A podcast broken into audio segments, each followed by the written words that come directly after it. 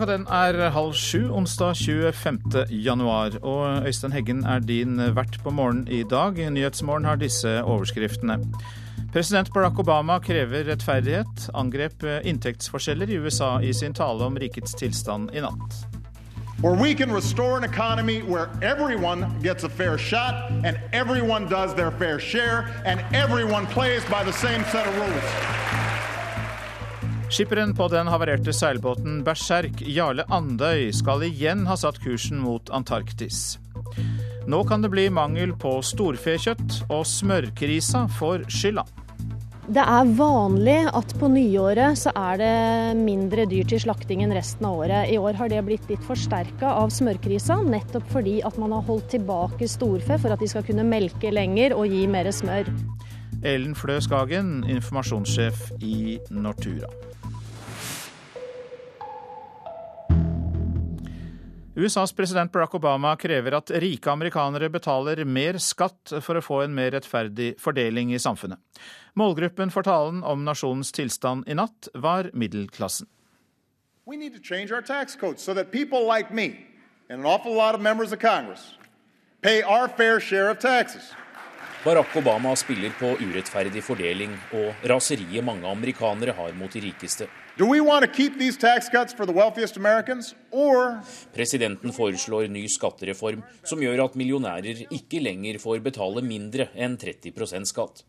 Forslaget kommer samme dag som Mitt Romney, en av hans republikanske utfordrere og en av de rikeste som vil bli president, ble tvunget til å legge fram sin ligning som viser at millionæren betaler under 14% skatt. Washington should stop subsidizing millionaires. De rike må bidra mer hvis den økonomiske krisa skal løses, var Obamas budskap. Han vil også fjerne smutthull og skattelettelser de som tjener over 1 million dollar, slipper unna med i dag. I have the high privilege and the distinct honor of presenting to you the President of the United States. Thank you. Thank you. I rundt 70 minutter i beste sendetid forsøkte presidenten å overtale amerikanerne til å gi ham fire nye år i Det hvite hus. Talen ga et klart bilde av hva valgkampen kommer til å handle om framover. Now, you can call this class warfare all you want. But asking a billionaire to pay at least as much as his secretary in taxes? Most Americans would call that common sense. Talen om nasjonens tilstand har de to siste åra blitt fulgt av over 40 millioner amerikanere. Dette var trolig Barack Obamas beste sjanse til å forsvare sin politikk ti måneder før han søker gjenvalg. Han snakket mest om økonomi og innenrikspolitikk, men var også innom endringene i araberverdenen. Regimet i Syria innser snart at deres dager er talte, sier Obama. Og han kommenterte den pågående konflikten om Irans atomprogram slik. No America is determined to prevent Iran from getting a nuclear weapon, and I will take no options off the table to achieve that goal.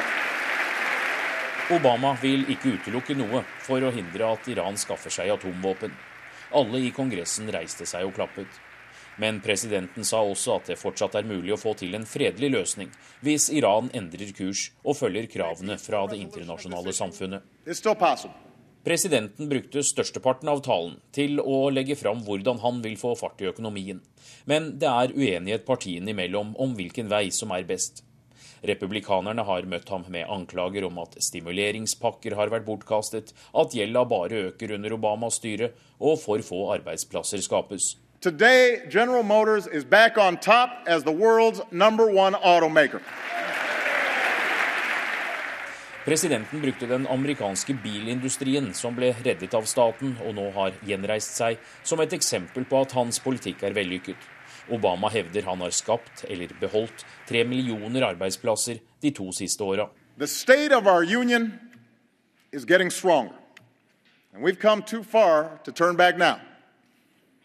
As long as I'm president, I will work with anyone in this chamber to build on this momentum.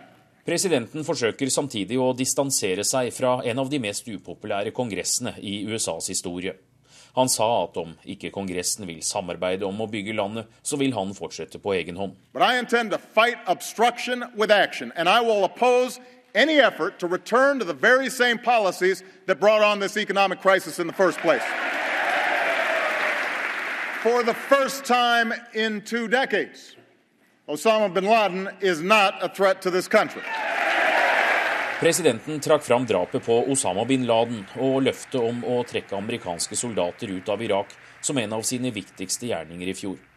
Pengene, som ikke lenger brukes på krig i Irak og snart Afghanistan, skal gå til nedbetaling av gjeld og nasjonsbygging her i USA, foreslår Obama.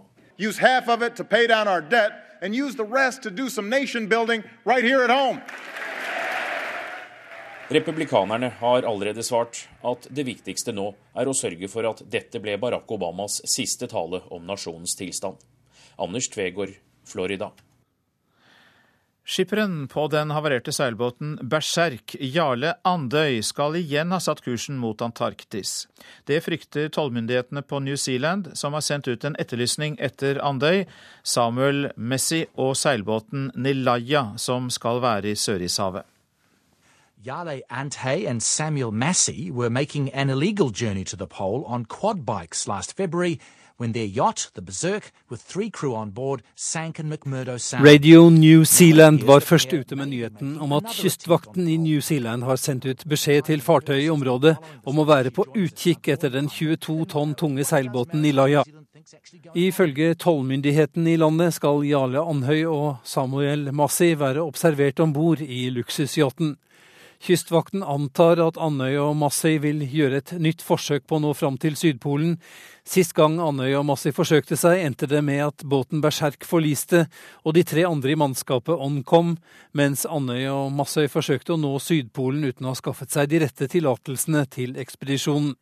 Også det norske utenriksdepartementet har uttrykt bekymring til de andre landene i Antarktistraktaten for at Andøya har planlagt en ny ekspedisjon, og understreker at norske myndigheter ikke har godkjent denne Maritime New Zealand has been asking people over the past couple of days to look out for a 54-foot yacht in the Auckland region called Nalaya, as it believes Mr. Andhay and Mr. Messi may be on board. Ja, Vi hørte utdrag fra Radio New Zealand der, og reporter eh, Harald Berre. Så noen ord om forsidene i avisene. Beinhard nynorskkamp i regjeringen, skriver Dagsavisen, mens Senterpartiet varsler at det nærmest er utenkelig å støtte forslag som svekker eksamen og karakterer i sidemål, får SVs kunnskapsminister Kristin Halvorsen støtte fra Arbeiderpartiet. Krisehjelp til norske barn i utlandet er oppslaget i Vårt Land. Sjømannskirken hjelper barn utsatt for omsorgssvikt og foreldrenes ferierus. De siste åra har Sjømannskirken medvirket til at 25 norske barn er blitt sendt hjem til det norske hjelpeapparatet etter å ha blitt utsatt for grov omsorgssvikt. Oslo sykehus er dødsfeller, er oppslaget i Aftenposten. En større brann kunne medført tap av liv ved flere sengeposter, heter det i en tilstandsrapport fra brann- og redningsetaten i hovedstaden. Møkkelei glideflukt mot Ap er Klassekampens overskrift, for Siv Jensen skal ha sett seg lei på at Høyre i stadig større grad legger seg opp til Arbeiderpartiet politisk. Frp-lederen frykter at det kan knuse drømmen om en borgerlig regjering. Motebutikker for ungdom er best, mens bokhandlerne havner på bunnen. Dagens Næringsliv har sjekket butikkenes servicenivå. Butikkansatte overser ofte kundene og sier sjelden hei når de kommer inn. De rød-grønne ungdomspartiene legger mer press på egen regjering, skriver Nasjonen. De holder sitt felles sentralstyremøte på fredag for å legge press på regjeringen i saker som EUs vikarbyrådirektiv og klimameldingen. Besatt av å bli brun er overskriften i VG. Leger advarer mot tanoreksi, avhengighet av å bruke solarium, som rammer mange unge mennesker. Petter Stordalens ville party er alle festers mor, lyder overskriften i Dagbladet. Bruker 10 millioner kroner på hotellåpning, der 2200 er på gjestelista. Elton John er på førstesiden av Nordlys. Den britiske musikeren kommer til Tromsø i slutten av mars, og ønskes velkommen av tromsømannen Jon Elton.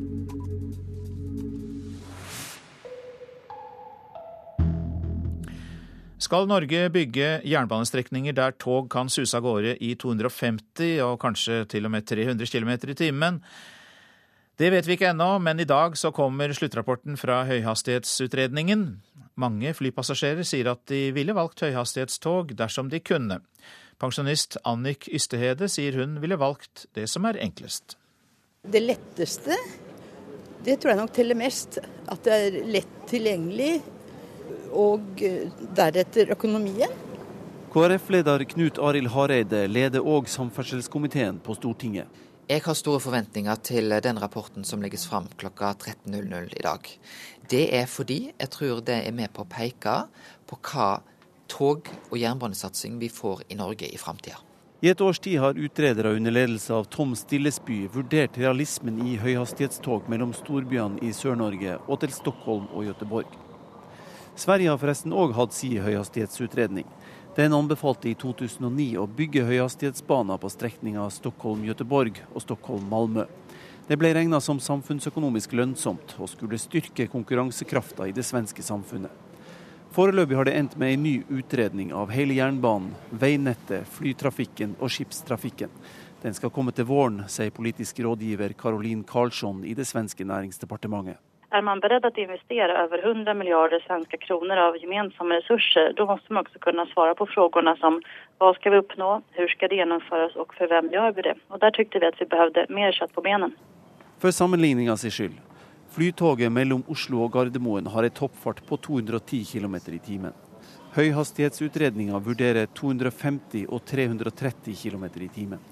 Men uansett hva som kommer fram i dagens rapport, mener Knut Arild Hareide at høyhastighetstog i Norge tvinger seg fram.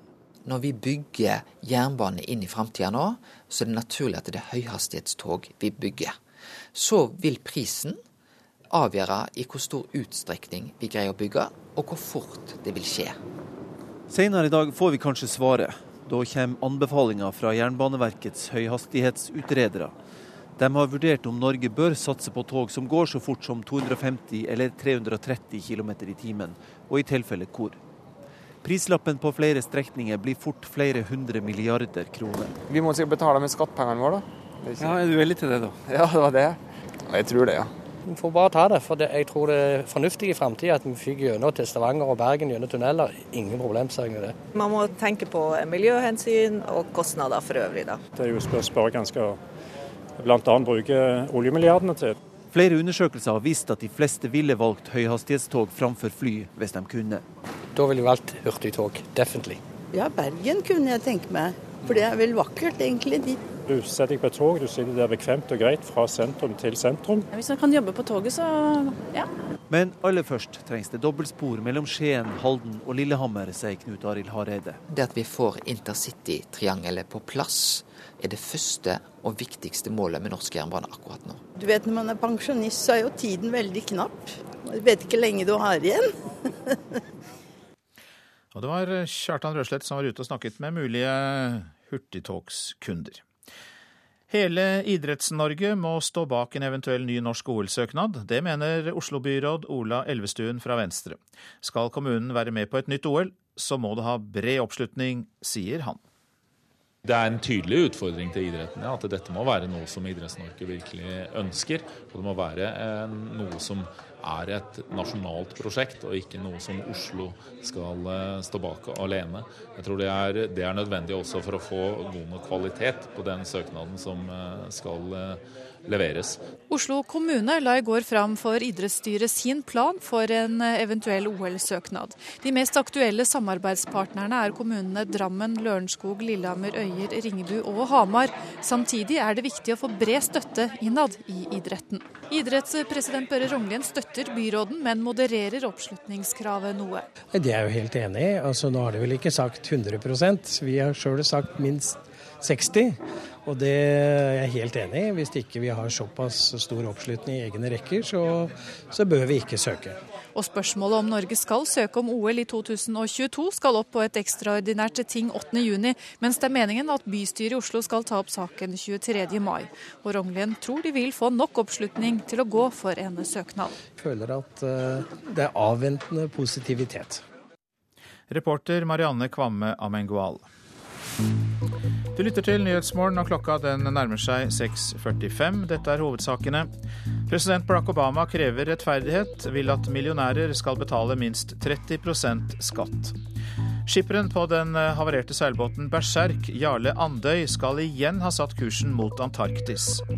Og vi skal høre at det nå kan bli mangel på storfekjøtt, og det er smørkrisa som får skylda.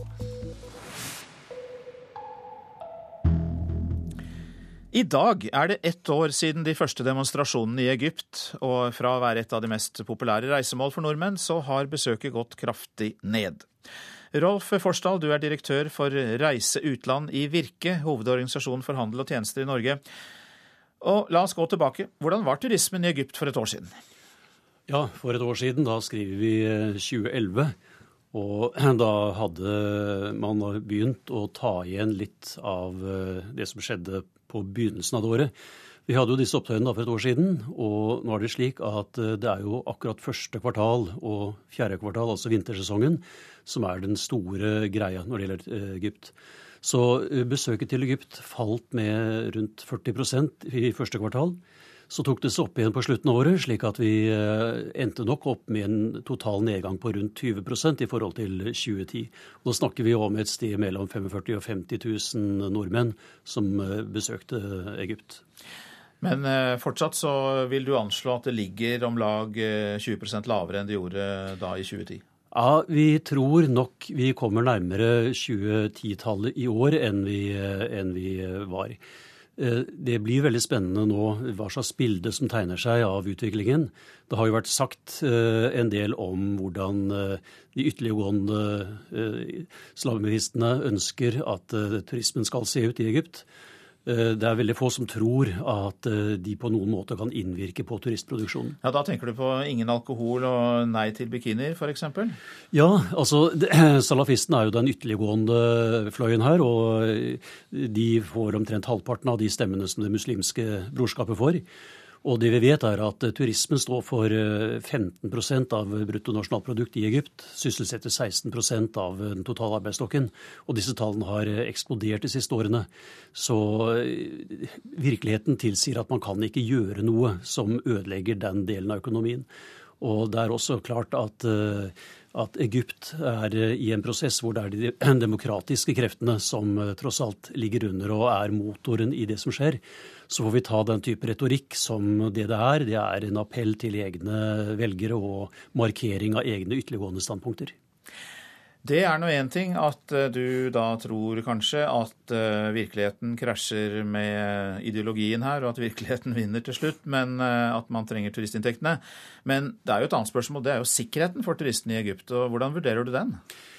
Det er veldig stor forskjell på det å være turist i Sharm el-Sheikh eller Hugada i forhold til å være turist i Kairo. Eh, alle opptøyer og alle demonstrasjoner vil jo naturlig sett spinne seg rundt det politiske maktsenter, mens eh, disse turistbyene er eh, faktisk helt forskånet så langt fra det som er den type intern uro. Og Det så vi også under opptøyene og demonstrasjonene i fjor. Eh, livet gikk faktisk eh, veldig normalt i disse turistbyene. Og eh, våre medlemmer de evakuerte riktignok turistene der fordi man opererer med et føre-var-prinsipp.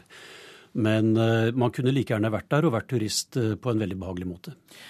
Til slutt, Forsdal, et stalltips for 2012?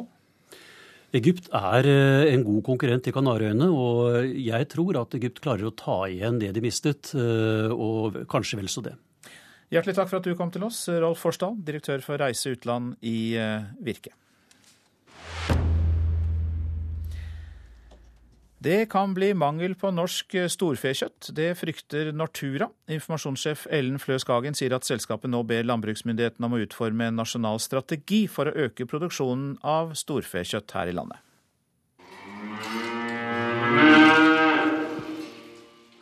Mange melkekyr omkring i Norge har fått forlenget livet som følge av smørkrisa. I stedet for å bli sendt til slakteriet, har de nemlig fått i oppdrag å produsere mer melk, så å si på overtid. Men det har igjen ført til at det har vært tomt for enkelte kjøttprodukter i norske butikkhyller den siste tiden, sier informasjonssjef i Nortura, Ellen Flø Skagen. Det er vanlig at på nyåret så er det mindre dyr til slakting enn resten av året. I år har det blitt litt forsterka av smørkrisa, nettopp fordi at man har holdt tilbake storfe for at de skal kunne melke lenger og gi mer smør. Det mangler ikke storfekjøtt i markedet, det gjør det ikke. Men det er pga. at vi importerer. Men at det kan være enkelte produkter som eh, forbrukere kan oppleve det er tomt for i butikkene i disse dager, det kan nok hende. Men mangel på norske storfeprodukter i kjøttdiskene kan bli mer vanlig også i årene fremover, mener Nortura, siden smørkrisa bare har forsterket en underliggende og mer alvorlig situasjon. Vi har sett over eh, flere år, og vi ser det framover også, at eh, hadde det ikke vært for import, så hadde det vært eh, for lite storfekjøtt. Per i dag er det for lite norsk storfekjøtt i markedet. Tall fra Statens landbruksforvaltning viser at norsk storfekjøttproduksjon falt med 7,5% i tiårsperioden frem til januar i fjor, og det ble 50 000 færre kyr i norske fjøs. Bjørn Gimming, bondelagsleder i Østfold, et fylke hvor storfekjøttproduksjonen falt med hele 15% i samme periode, forklarer utviklingen slik. For det første så er det skjedd en stor utvikling innenfor norsk melkeproduksjon. Eh, ytelsen per ku øker, og det gjør at det trengs færre melkekyr. Har vi ikke klart å erstatte den nedgangen i melkekyr med med ammekyr og spesialisert storfekjøttproduksjon. Gimming mener nøkkelen er å bedre lønnsomheten for bøndene, men det koster penger, og så lenge markedet hele tiden dekkes opp med importert kjøtt, kommer mye an på forbrukerne om de er opptatt av å kjøpe norsk. I en matbutikk i Fredrikstad spurte vi Tommy Nilsen og Linn Randberg. Ja, jeg syns det er viktig at du skal handle norsk. Det er veldig viktig for meg i hvert fall. At uh, holde arbeidsplassene her i Norge. Det er veldig viktig. At vi får brukt noen norske råvarer og alt mulig sånt. Jeg har på følelse at jeg kjøper kvalitet når jeg kjøper norsk. Jeg stoler mer på det. I hvert fall pga. medieoppmerksomheten og sånn. Jeg har og alt mulig sånt. Det er politikerne som avgjør om det blir noen ekstra satsing på storfeproduksjon. Landbruks- og matminister Lars Peder Brekk fra Senterpartiet sier at det har vært satset mye på næringa de siste årene, og at det skal fortsette. Den landbruks- og matmeldinga som nettopp ble lagt frem, jeg har jo den mest ambisiøse produksjonsmålsettinga vi har hatt i landbrukspolitikken. Det vi ser vi skal øke matproduksjonen og opprettholde selvforsyningsgraden. Så, så, det er klart at jeg er opptatt av å øke kjøttproduksjonen, øke matproduksjonen på, basert på norske ressurser. Reporter her, Pål Andersen. Arbeidstilsynet gransker renholdsselskapet ISS Bergensavdeling etter mistanker om ulovlig overtid, trakassering av ansatte og dårlige sikkerhetsrutiner. Tilsynet mistenker ISS for flere alvorlige brudd på arbeidsmiljøloven, skriver Bergens Tidende. Avisen har sett dokumentasjon på at ansatte i selskapet har jobbet nesten 1000 overtidstimer i løpet av et år. Det er langt over lovens øvre grense på 400 timer. Flere ansatte skal også ha fått mindre lønn enn det de har krav på. Produsenten bak filmsuksessen Hodejegerne planlegger film om Jostolf Moland og Joshua French, som er dømt til døden for drapet på sin sjåfør i Kongo. Friland Film har søkt om statlig støtte til å skrive manus basert på boka Et mord i Kongo. Men advokaten til Moland og French, Morten Furholmen, vurderer rettslige skritt mot prosjektet. Det er presseetiske problemstillinger, det er personvernsrettslige problemstillinger. Og det er klart at vi må jo vurdere alternativer og også da se på om vi skal foreta rettslige skritt her. Det sier Morten Furuholmen, advokaten til Kjostolf Moland og Joshua French. Han reagerer på at suksessprodusenten bak filmen 'Hodejegerne' nå har søkt om statsstøtte til å lage et filmmanus om de to nordmennene som har sittet fengslet i Kongo i snart tre år. Norske myndigheter har lenge prøvd å få Moland og French overflyttet til Norge, men situasjonen er fortsatt uavklart. Furuholmen håper Friland Film kan vente med å lage filmen som er basert på boken 'Et mord i Kongo' Kongo av Morten Strøksnes. Jeg håper jo at eh, man eh, avventer, i hvert fall eh, med å gi denne filmen støtte, til disse to har kommet hjem. Hvor man kan forespørre dem og kanskje få det inn i et spor som gjør at det blir lettere å akseptere. Men at de skal stå på utsiden, sitte i en dødscelle i Kongo og bli møtt med en sånn kommersiell spillefilm som bygger på et sånn spekulativt faktum, det, det bør man ærlig talt ikke bruke skattebetalernes penger til, altså. På menighetskontoret i Vegårshei kommune sitter kirkeverge Mathilde Moland, mor til den dødsdømte Kjostolv Moland. Hun venter på at sønnen skal ringe fra fengselet i Kongo. Jeg hadde håpet kanskje at Kjostolv hadde ringt meg i går, sånn at jeg fikk eh, informert han eh, om det, at, eh, at det er noe på, på, trappene. Men det har han ikke gjort, for jeg syns det hadde vært greit å få hans kommentar på det. Jeg, jeg syns jo det at det er nokså frimodig å bare gå hen og så lage en film uten at de er informert om det. Jeg syns jo det hadde vært ille hvis det ble laga en film som eh, trakasserer de, og eh, hvis f.eks. det skulle bli lagt eh, vekk på den, den situasjonen som var da, da Kjøstholm var alvorlig psykisk syk. Norsk filminstitutt ønsker ikke å gi noen kommentar før de har gjort et vedtak i saken, sier avdelingsleder Ivar Køen til NRK. Produsent i Friland Film Asle Vatn sier at synspunktene til Moland og Furuholmen ikke kommer som noen overraskelse. Og han foretrekker å ta diskusjonene et annet sted enn gjennom mediene. Han vil ta kontakt med de berørte når han vet mer om filmprosjektet. Og det var eh, Eirin Venås Sivertsen og Miriam Grov som hadde laget eh, denne saken. Plateselskapenes inntekter fra digitalt musikksalg økte med 8% på verdensbasis i fjor. Det viser tall fra den internasjonale platebransjeorganisasjonen IFPI. Og det er særlig betalingsvillige skandinaver som drar statistikken opp.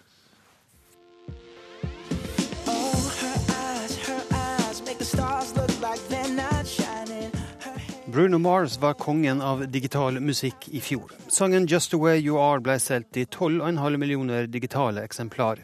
I tillegg hadde han to andre sanger på IFPs liste over de ti mest solgte sangene i fjor. When I see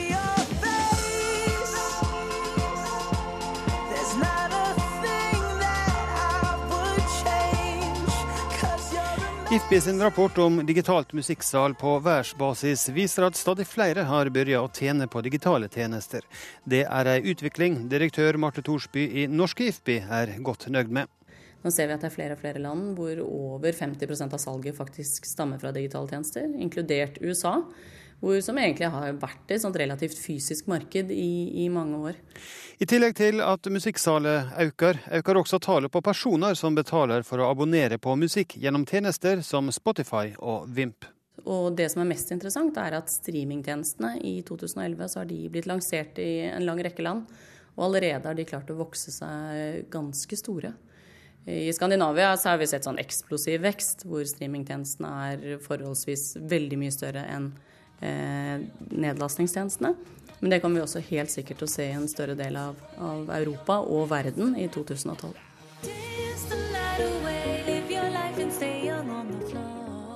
Reporter Espen Alnes.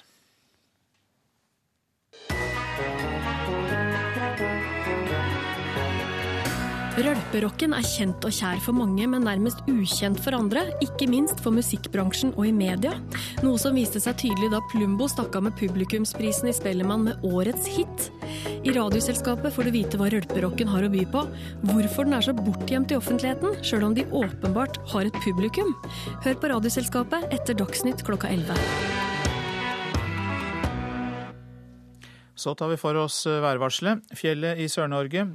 Øking til sørøstlig kuling i løpet av dagen. I kveld oppe i liten storm utsatte steder i Langfjella og eh, i Dovrefjell og Sydlandet. Etter hvert snø også, mest snø i sør. Østlandet og Aust-Agder og Telemark ser vi samlet. Det blir litt spredt snø i indre strøk av Agder, ellers eh, skyet oppholdsvær. I kveld sørøstlig liten kuling på kysten og litt snø vest for eh, Drammen. Vest-Agder får øking til sørøstlig liten og seinere stiv kuling på kysten. I kveld sterk kuling vest for Lindesnes og kan hende liten storm lengst i vest. Litt spredt snø, først da i indre strøk. Vestlandet sør for Stad økning til sørøstlig sterk kuling utsatte steder. I kveld liten storm på kysten og til dels full storm i sør. Fra i ettermiddag litt snø av og til, mest i ytre strøk. Møre og Romsdal og Trøndelag øking til sraust stiv kuling utsatte steder. Fra i ettermiddag sterk kuling, i kveld liten storm i nord. I kveld kan hende litt snø på Sunnmøre, men ellers blir det lettskyet oppholdsvær. Helgeland, Saltfjellet, Salten og Ofoten. Øking til sørøstlig stiv kuling utsatte steder. Sterk kuling sør for Salten, og i kveld liten storm. Kan hende full storm i sør. I morgentimene noen snøbyger lengst i nord, men ellers lettskyet opphold. Lofoten, Vesterålen og Troms.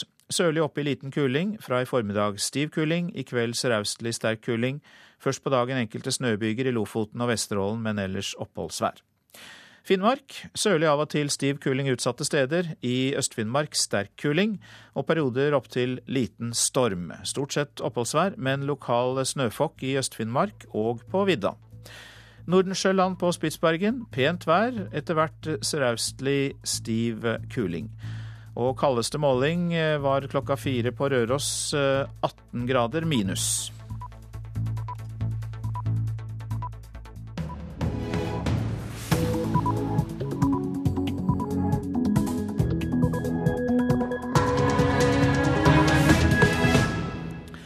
Klokka den er blitt sju, og du lytter til Nyhetsmorgen. Her er Øystein Heggen i studio i dag med denne nyhetsoppdateringen.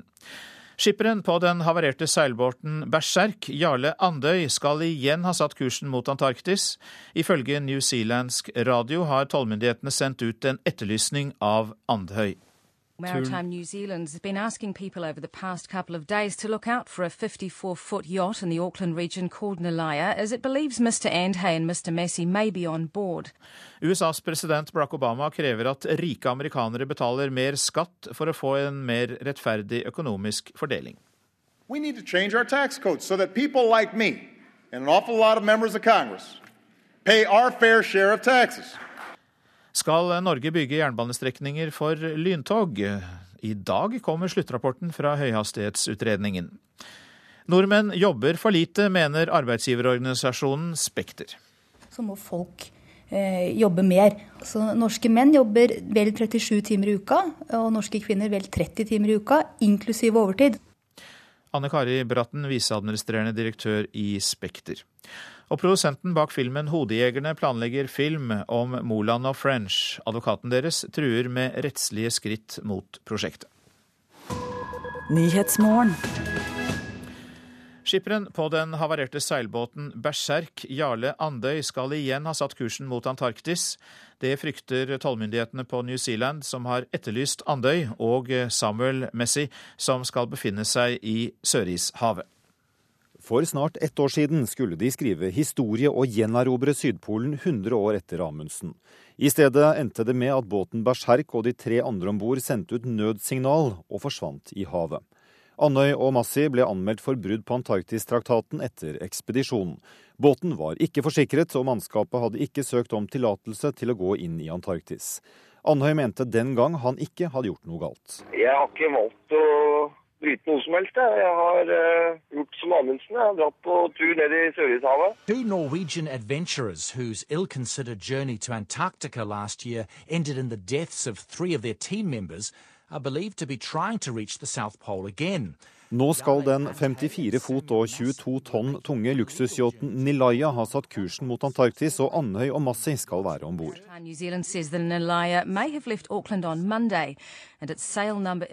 Det er tollmyndighetene og kystvakten på New Zealand som leder letingen etter skipet, og hvis det blir funnet, kan det bli aktuelt at det tvinges til land i New Zealand.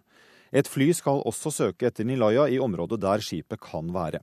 I et brev sendt fra Utenriksdepartementet uttrykker UD bekymring for at Jarle Andøy har planlagt en ny Sydpolekspedisjon. Det var Andøy selv som formelt varslet regjeringen om planene for ekspedisjonen, men norske myndigheter har ikke gitt ham noen godkjenning. Og For to uker siden tok de kontakt med myndighetene i New Zealand og meldte fra om planene, og nå kan altså turen være i gang. Utenriksdepartementet vil ikke kommentere saken nå i morgentimene, og vi har eh, ennå ikke fått noe kontakt med Jarle Andøy. Reporter Tom Nilsen.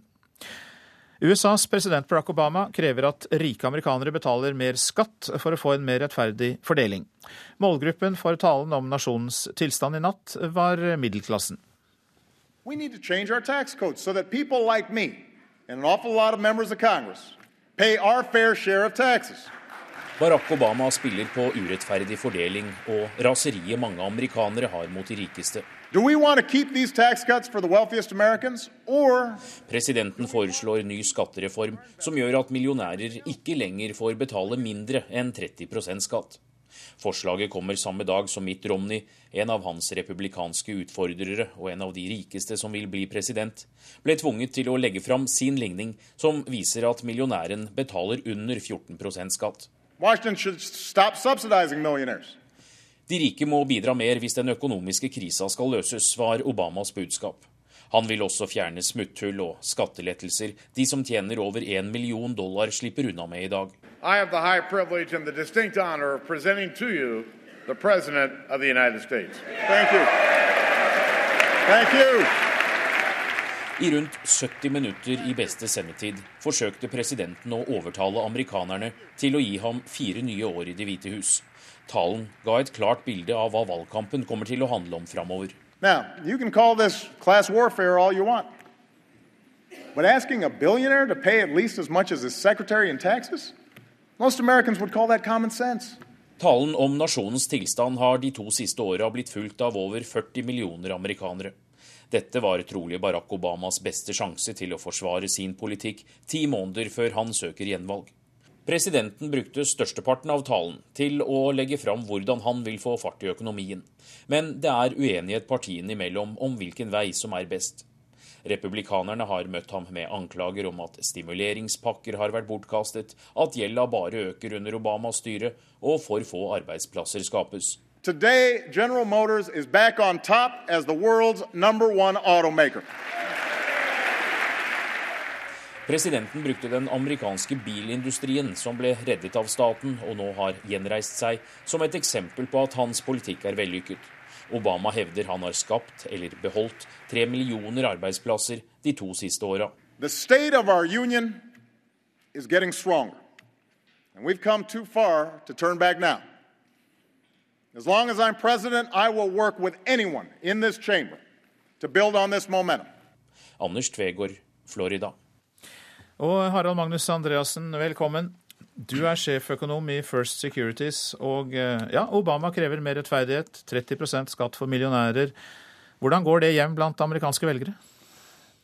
Det er store inntektsforskjeller i USA, men det er slik at eh, amerikanere flest ikke er så veldig bekymret over det.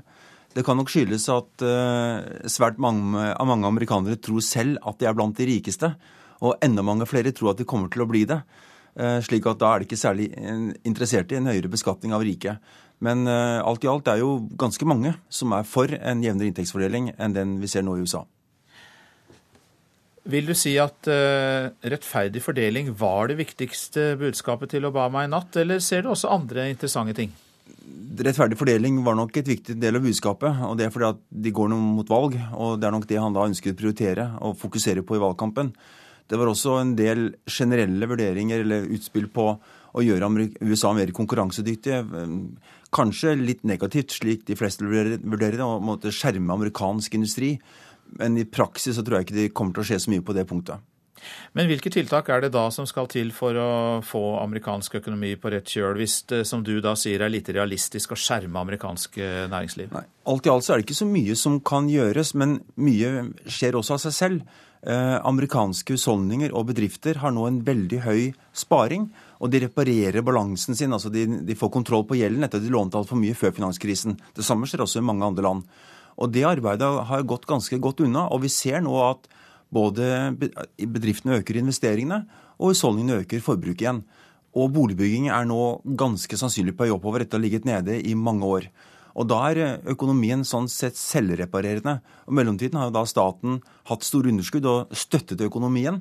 Og det må snart staten faktisk slutte med, for den har ikke råd til det. Selvreparerende økonomi høres veldig deilig ut for mange europeere, kanskje. Hvordan ser du europeisk økonomi sammenlignet med amerikansk økonomi for tiden? Alt i alt har jo Europa klart seg ganske bra økonomisk de siste årene. Eh, på tross av sterke stimulanser, altså store budsjettunderskudd i USA, så har ikke veksten i USA vært bedre enn i Europa. Ja, men Det, det ropes, jo om, ropes jo om krise i Europa. Ja, Nå er det krise, ikke i Europa, men det er krise i noen europeiske land. Eh, Tyskland har den laveste arbeidsledigheten på 20 år. Det er stort sprik mellom ulike land i Europa. Men det er ingen tvil om at en del land i Europa nå må ta tak i økonomiske problemer som de har latt være å røre. Eh, og hatt store ubalanser både i privat og i offentlig sektor. Og nå er det da statene som står for tur til å måtte stramme inn i sør. Ja, Men hvordan står USA i forhold til eh, Europa? Er USA bedre stilt til å få en raskere vekst igjen? Eh, både ja og nei privat sektor i USA har nok gjennomgående gjort mer for å reparere feilene etter finanskrisen enn det er gjort i, eh, i eh, USA. På den annen side er budsjettsituasjonen i Europa er jo en solskinnshistorie samlet sett i forhold til USA. USA har et underskudd på budsjettet som er over dobbelt så stort som det vi ser i Europa, og noen år frem har et mye større innstrammingsbehov enn Europa har samlet sett. Men vi fokuserer på at mange, noen enkeltland i Europa, da særlig nå Italia, Spania, Hellas, har veldig store utfordringer. Og der vil vi merke at staten må kutte på pengebruken, som da ikke, eller kutte bruken av penger den ikke har. Hjertelig takk for at du kom til oss, Harald Magnus Andreassen. Du er sjeføkonom i First Securities. Nordmenn jobber for lite. Det mener arbeidsgiverorganisasjonen Spekter, som nå ber regjeringen myke opp reglene for arbeidstid. Nå foran vårens lønnsoppgjør så kaller Spekter reglene for jobbing i helger og på kvelder for gammeldagse. Nå er tiden imidlertid inne for å legge forholdene til rette for at vi kan jobbe mer enn de timene vi jobber i snitt per uke. Er du åpen for å jobbe mer? Lang tenkepause. Om jeg vil jobbe mer? Utenfor et kontorbygg i Oslo sentrum. Nei, ikke for øyeblikket. Jobber du mye da? Eh, nei, åtte til fire, stort sett. Kunne du tenkt deg å jobbe mer enn du gjør i dag? Nei. Du da? Nei, jeg har arbeidstid fem hver dag. Inne i kontorbygget er tonen en annen. Det er jo ikke slik at vi jobber oss helt i hjel i dette landet her.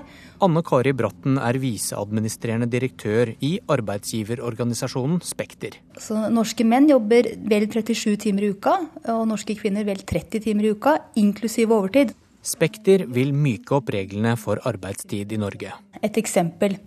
Hvis et godt voksent menneske blir enig med sjefen sin om at det er greit å jobbe en 10-11 timers vakt for å kunne jobbe litt mindre neste dag, så mener vi at det må sjefen og den ansatte kunne bestemme seg imellom. I dag har Spekter sin vinterkonferanse, et slags startskudd for vårens lønnsoppgjør. Arbeidsminister Hanne Bjurstrøm får da overlevert krav om at det trengs en egen arbeidstidskommisjon. Folk jobber mindre og mindre i Norge, og hvis vi skal kunne klare å bære velferdsstatens utfordringer, og også ha nok arbeidskraft i den delen av arbeidslivet som driver med økonomisk verdiskapning, så må folk eh, jobbe mer. Og det er jo særlig norske kvinner som eh, har et potensial, der er det potensial for å utløse mer arbeidskraft. og vi må kunne klare å legge forholdene til rette for at individene skal kunne jobbe mer enn det de gjør i dag. Men noen vil vel da svare at dette vil føre til en brutalisering, at arbeidstaker som den svake part da må jobbe mer helger f.eks.? Det som er veldig farlig nå, er at hvis dette utvikler seg til en polarisert debatt, hvor de som ønsker å se på dette med nye øyne, blir beskyldt for å være for et brutalisert arbeidsliv, og de som ikke vil gjøre noen endringer, blir beskyldt for å være museumsvoktere. Det er derfor vi mener at regjeringen bør sette ned en arbeidstidskommisjon som bør se på praktiseringen av arbeidstidsbestemmelsene. Men det synes ikke Anette Trettebergstuen fra Arbeiderpartiet er noen særlig god idé. Hun er nestleder i Stortingets arbeids- og sosialkomité. Nå behandler Stortinget en bred stortingsmelding om det norske arbeidslivet, der eh, man gjennom eh, lang tid og et godt samarbeid med alle partene i arbeidslivet har sett på nettopp arbeidstidsordningene. Dagens arbeidstidsregler er fleksible, sier hun. De er moderne. De hensyntar både de som ønsker å jobbe mer over perioder, men også de som, eh, som står i yrker der man rett og slett ikke har helse til det. Hun mener det viktigste for å opprettholde velferden er at folk står lenger i jobb det er jo nettopp et argument for å være forsiktig med å utvide arbeidstidsbestemmelsene. For vi, hvis vi skal klare å la folk stå eh, lenger i jobb, så er de også nødt til å ha et arbeidsliv som gjør at de klarer det, at de har helse til å kunne jobbe lenger. Og eh, reportere her var Bjørn Myklebust og Katrin Hellesnes. Og vi holder oss i arbeidslivet litt til. Arbeidstilsynet gransker renholdsbedriften ISS i Bergen etter mistanker om ulovlig overtid, trakassering av ansatte og dårlige sikkerhetsrutiner. Tilsynet mistenker ISS for flere alvorlige brudd på arbeidsmiljøloven, skriver Bergens Tidende. Ansatte skal også ha fått mindre lønn enn det de har krav på. Også høyere boligpriser bekymrer mange. Finansavisen skriver at det ble oppført 10 000 færre boliger enn nødvendig i fjor. Og det til tross for at nybyggingen økte med 17% fra året før. Prognosesenteret og bransjeforeningen Boligprodusentene mener det er kommunenes feil at det ikke bygges nok boliger. Regjeringen har varslet en boligmelding i løpet av året. Du lytter til Nyhetsmorgen, og klokka den passerte nettopp 14 eh, minutter over sju. Dette er eh, hovedsaker. Jarle Andøy, skipper på den havarerte seilbåten Berserk, skal igjen ha satt kursen mot Antarktis. Skal Norge bygge jernbanestrekninger for lyntog? I dag kommer sluttrapporten fra høyhastighetsutredningen. President Barack Obama vil ha et mer rettferdig skattesystem i USA. Og her i Nyhetsmorgen fortsetter vi ganske straks med Egypt.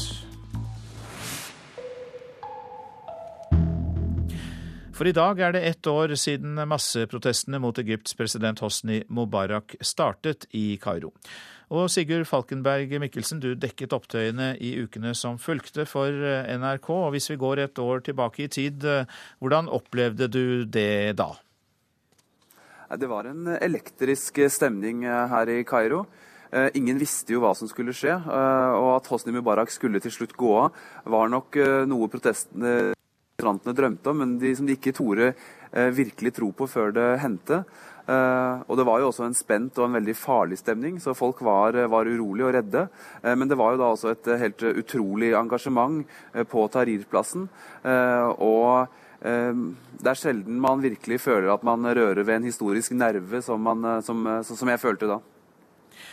Og Hvordan er det med kravene fra opprørerne, er de blitt fulgt opp? Ja, Der eh, er folk eh, uenige her eh, i Kairo. De revolusjonære aktivistene føler at de ikke har fått det samfunnet de drømte om, den friheten de drømte om. De har sett militærrådet ta over styret av landet. Eh, og snakker heller om et militærkupp enn en eh, ekte revolusjon.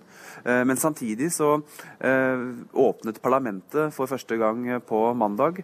Det var det første frie valget på over 60 år her i landet. Og der så man jo hele den muslimske religiøse opposisjonen i parlamentet. Sånn at det er store forandringer på gang, men det er da usikkert hvor veien går videre. Tahrir-plassen i Kairo var jo helt sentral for ett år siden, og der har jo du vært Eh, tilbake igjen. Hvordan, hvordan er det der nå? Det har begynt å samle seg aktivister på Tahrir-plassen eh, allerede i kveld. og Det har jo blitt et samlingspunkt for eh, demonstrantene. Og så foregår det arrangementer rundt omkring og på kultursenteret, ute i gatene. Og dette er jo i stor grad blitt et, også blitt et ungdomsopprør og en generasjonskonflikt. Noe jeg opplevde da jeg var på et arrangement på El Sawi kultursenteret, som ligger under en, en av de store broene i Kairo. De er ungdommens stemmer, sier Ali, som sammen med andre ungdom er på et arrangement på Sawi kultursenteret her i Kairo med revolusjonens helter, aktivister, journalister og en poet som Abdel Rahman Yousef.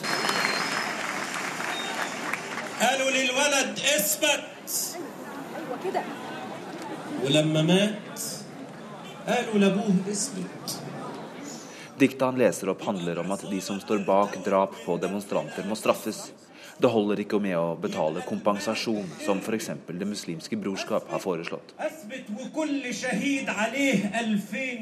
For 15 år gamle Selma er aktivisten og tannlegen Ahmed Harara den store helten. Han mistet det ene øyet under oppstanden for et år siden, det andre under sammenstøtene i november. Ahmed Harara, I think they, he represents life. Life and hope. Han er livet, han er håpet, sier hun. Hun respekterer også paneldeltakerne fordi de har hatt et langt engasjement mot undertrykkelse. Det er ikke noe som har kommet det siste året. Den egyptiske revolusjonen har mange komponenter. Den har en sosial side og springer ut av streiker i det siste tiåret. Men den mest artikulerte og drivende kraften fant den i middelklasseungdommen. Det var de som samlet seg for et år siden i dag, på Tahrir-plassen, i det som mot alle odds endte med Hosni Mubaraks avgang. Det sprang ut fra et helt grunnleggende behov for frihet. Um,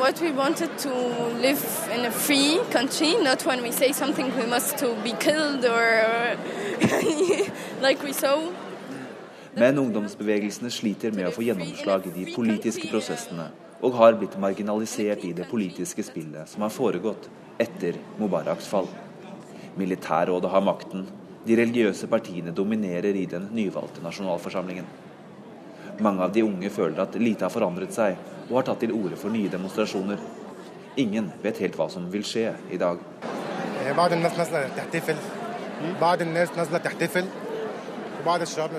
Noen drar for å demonstrere, andre for å feire. Vi får håpe det går bra, sier Ali, før lydanlegget bryter sammen på arrangementet og ungdommen tar til å rope revolusjonens kjente slagord mot militæret i stedet. Ja,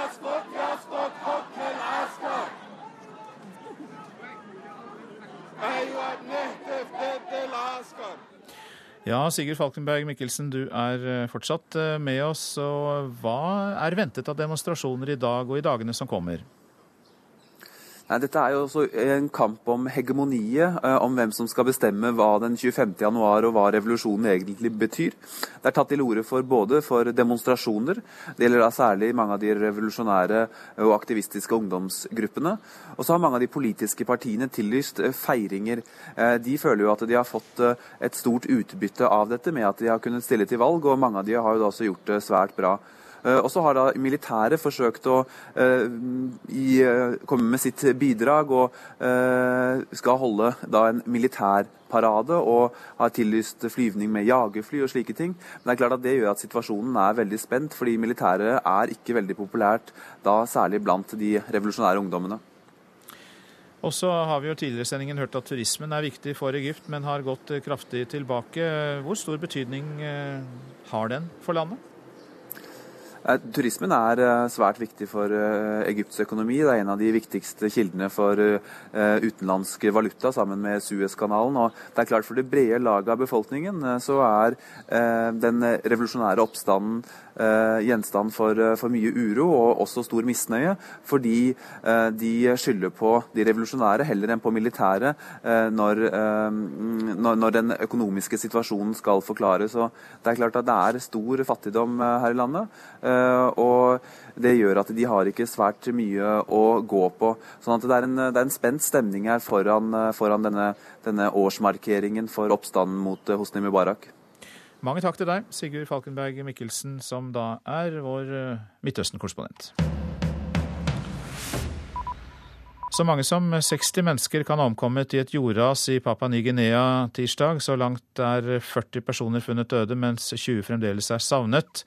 Tallet er ennå ikke bekreftet av myndighetene. Raset skjedde i et område sør i landet, hvor oljeselskapet Exxon Mobil er i ferd med å bygge et anlegg for produksjon av naturgass. Den amerikanske sersjanten som ble beskyldt for å ha hatt hovedansvaret for drapene på 24 sivile irakere i byen Haditha i 2005, slipper fengselsstraff. Frank Wutterich eh, erklærte seg skyldig i tjenesteforsømmelse etter å ha inngått en avtale med den militære påtalemyndigheten. Anklagene mot seks av de andre soldatene er frafalt, mens én ble frikjent. Solstormen, eh, som har gitt uvanlig mye nordlys over Norge, tvinger flyselskapene til å legge om rutene sine. På Deltas rute mellom USA og Hongkong går flyene vanligvis over polområdene. Nå flyr maskinene lenger sør, for ikke utsette piloter og passasjerer for overdreven stråling, og for å unngå problemer med kommunikasjon. Fox News melder at også andre flyselskaper unngår eh, polområdene nå. Og så har vi akkurat fått en melding om at flyselskapet Norwegian skal kjøpe til sammen 222 nye fly fra Boeing og Airbus. Og det er da for til sammen 127 milliarder kroner. Det opplyser flyselskapet selv. Så til eh, overskriftene i avisene. Og på forsiden i Dagsavisen står det beinhard nynorskkamp i regjeringen.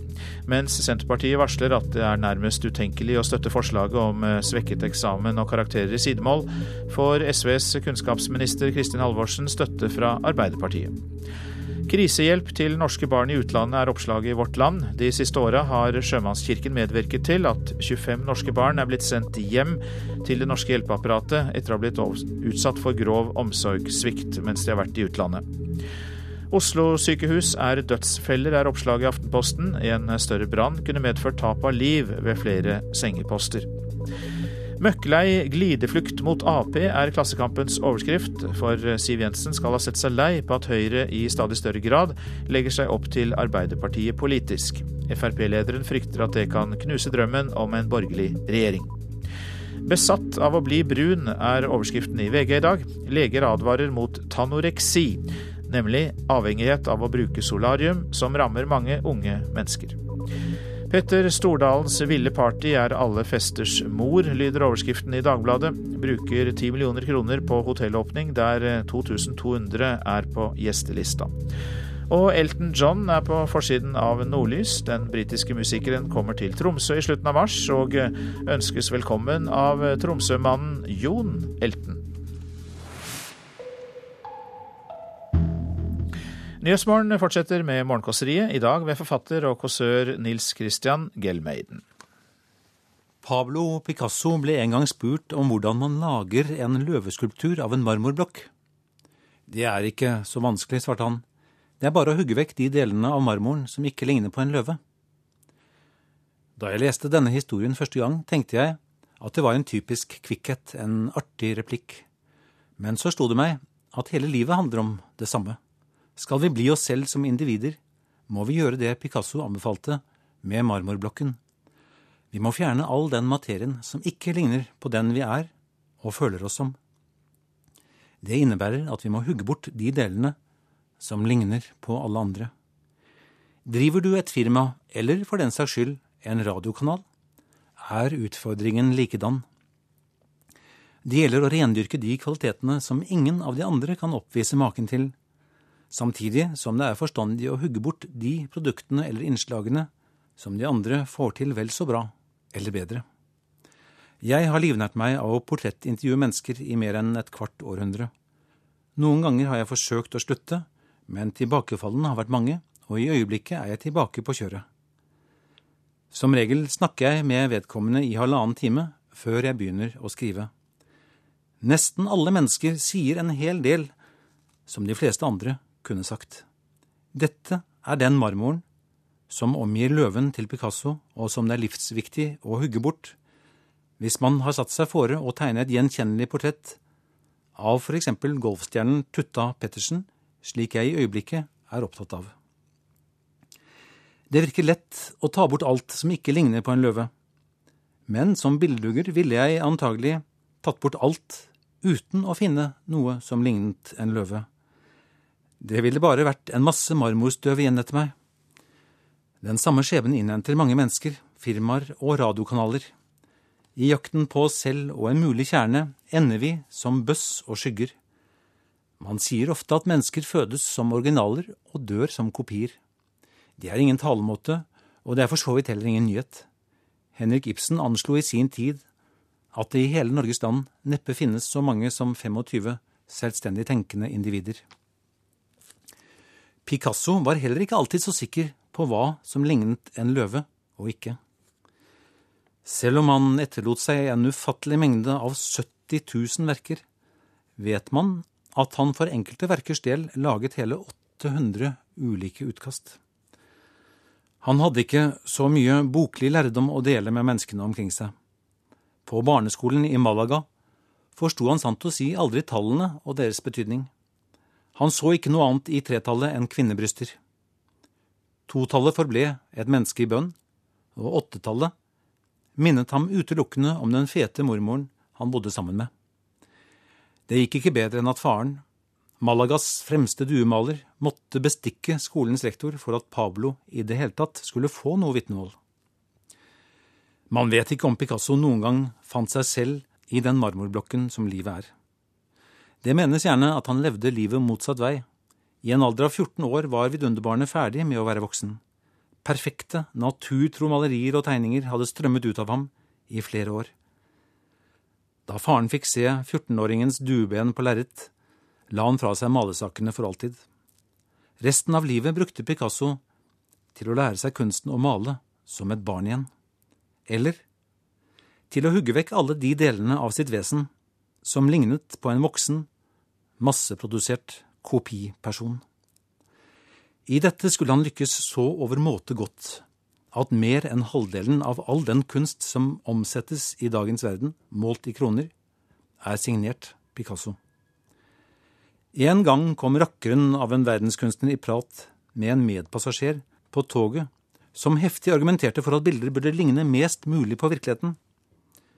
Maleren lurte på om han kunne gi noe eksempel. Mannen tok opp et passfotografi av sin elskede. Picasso studerte bildet og medga at hun var pen, før han så mannen rett i øynene og sa Men du verden, så liten. Det sa forfatter og kåsør Nils Christian Gelmeiden. Du lytter til Nyhetsmorgen. Produsent i dag Ulf Tannes Fjell, her i studio Øystein Heggen. Etter Dagsnytt skal vi høre om kampen for skotsk selvstendighet. Og stikkord for Politisk kvarter er høyhastighetstog og lederkampen i SV.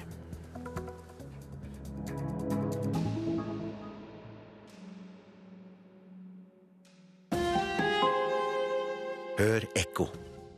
De har sminke og hårspray, men også hodet fullt av kompliserte datakoder. Hver måned over hele verden samles kvinnelige datanerder til Girl Geek Dinner. Jenter skal rekrutteres til guttefag, også i verdens mest likestilte land. Hvorfor er det så viktig? Ekko 9 11 i NRK P2.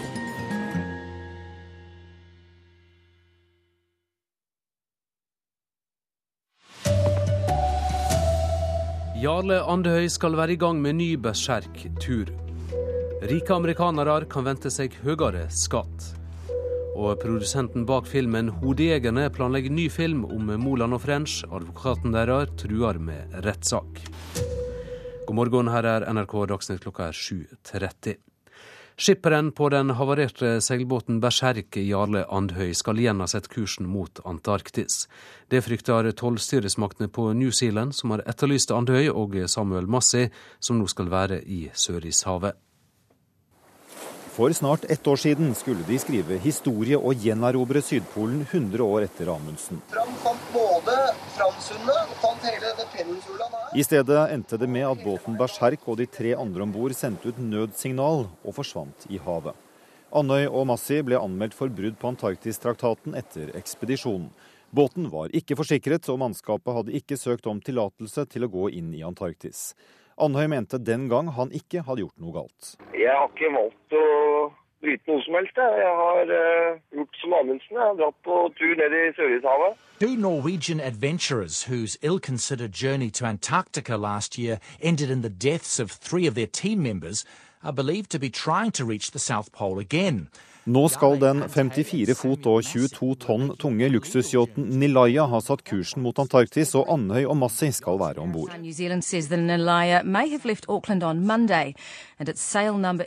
Det er tollmyndighetene og kystvakten på New Zealand som leder letingen etter skipet, og hvis det blir funnet, kan det bli aktuelt at det tvinges til land i New Zealand. Et fly skal også søke etter Nilaya i området der skipet kan være. I et brev sendt fra Utenriksdepartementet uttrykker UD bekymring for at Jarle Andøy har planlagt en ny Sydpolekspedisjon. Det var Andøy selv som formelt varslet regjeringen om planene for ekspedisjonen, men norske myndigheter har ikke gitt ham noen godkjenning. Og For to uker siden tok de kontakt med myndighetene i New Zealand og meldte fra om planene, og nå kan altså turen være i gang. Reporter var Tom Nilsen. Norwegian skal kjøpe til sammen 222 nye fly fra Boeing og Airbus for til sammen 127 milliarder kroner, opplyser flyselskapet.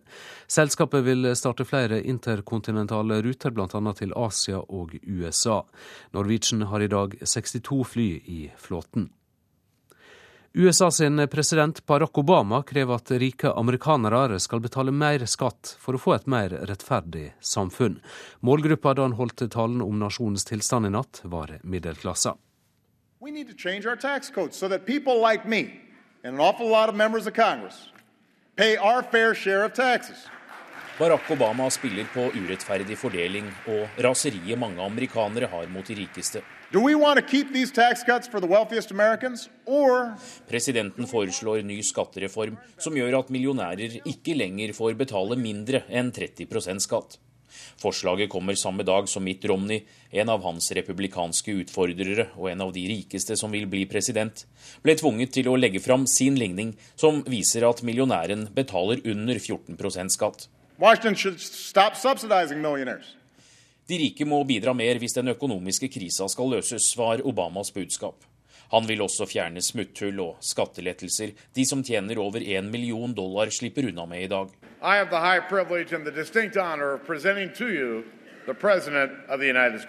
Thank you. Thank you. I rundt 70 minutter i beste sendetid forsøkte presidenten å overtale amerikanerne til å gi ham fire nye år i Det hvite hus. Talen ga et klart bilde av hva valgkampen kommer til å handle om framover.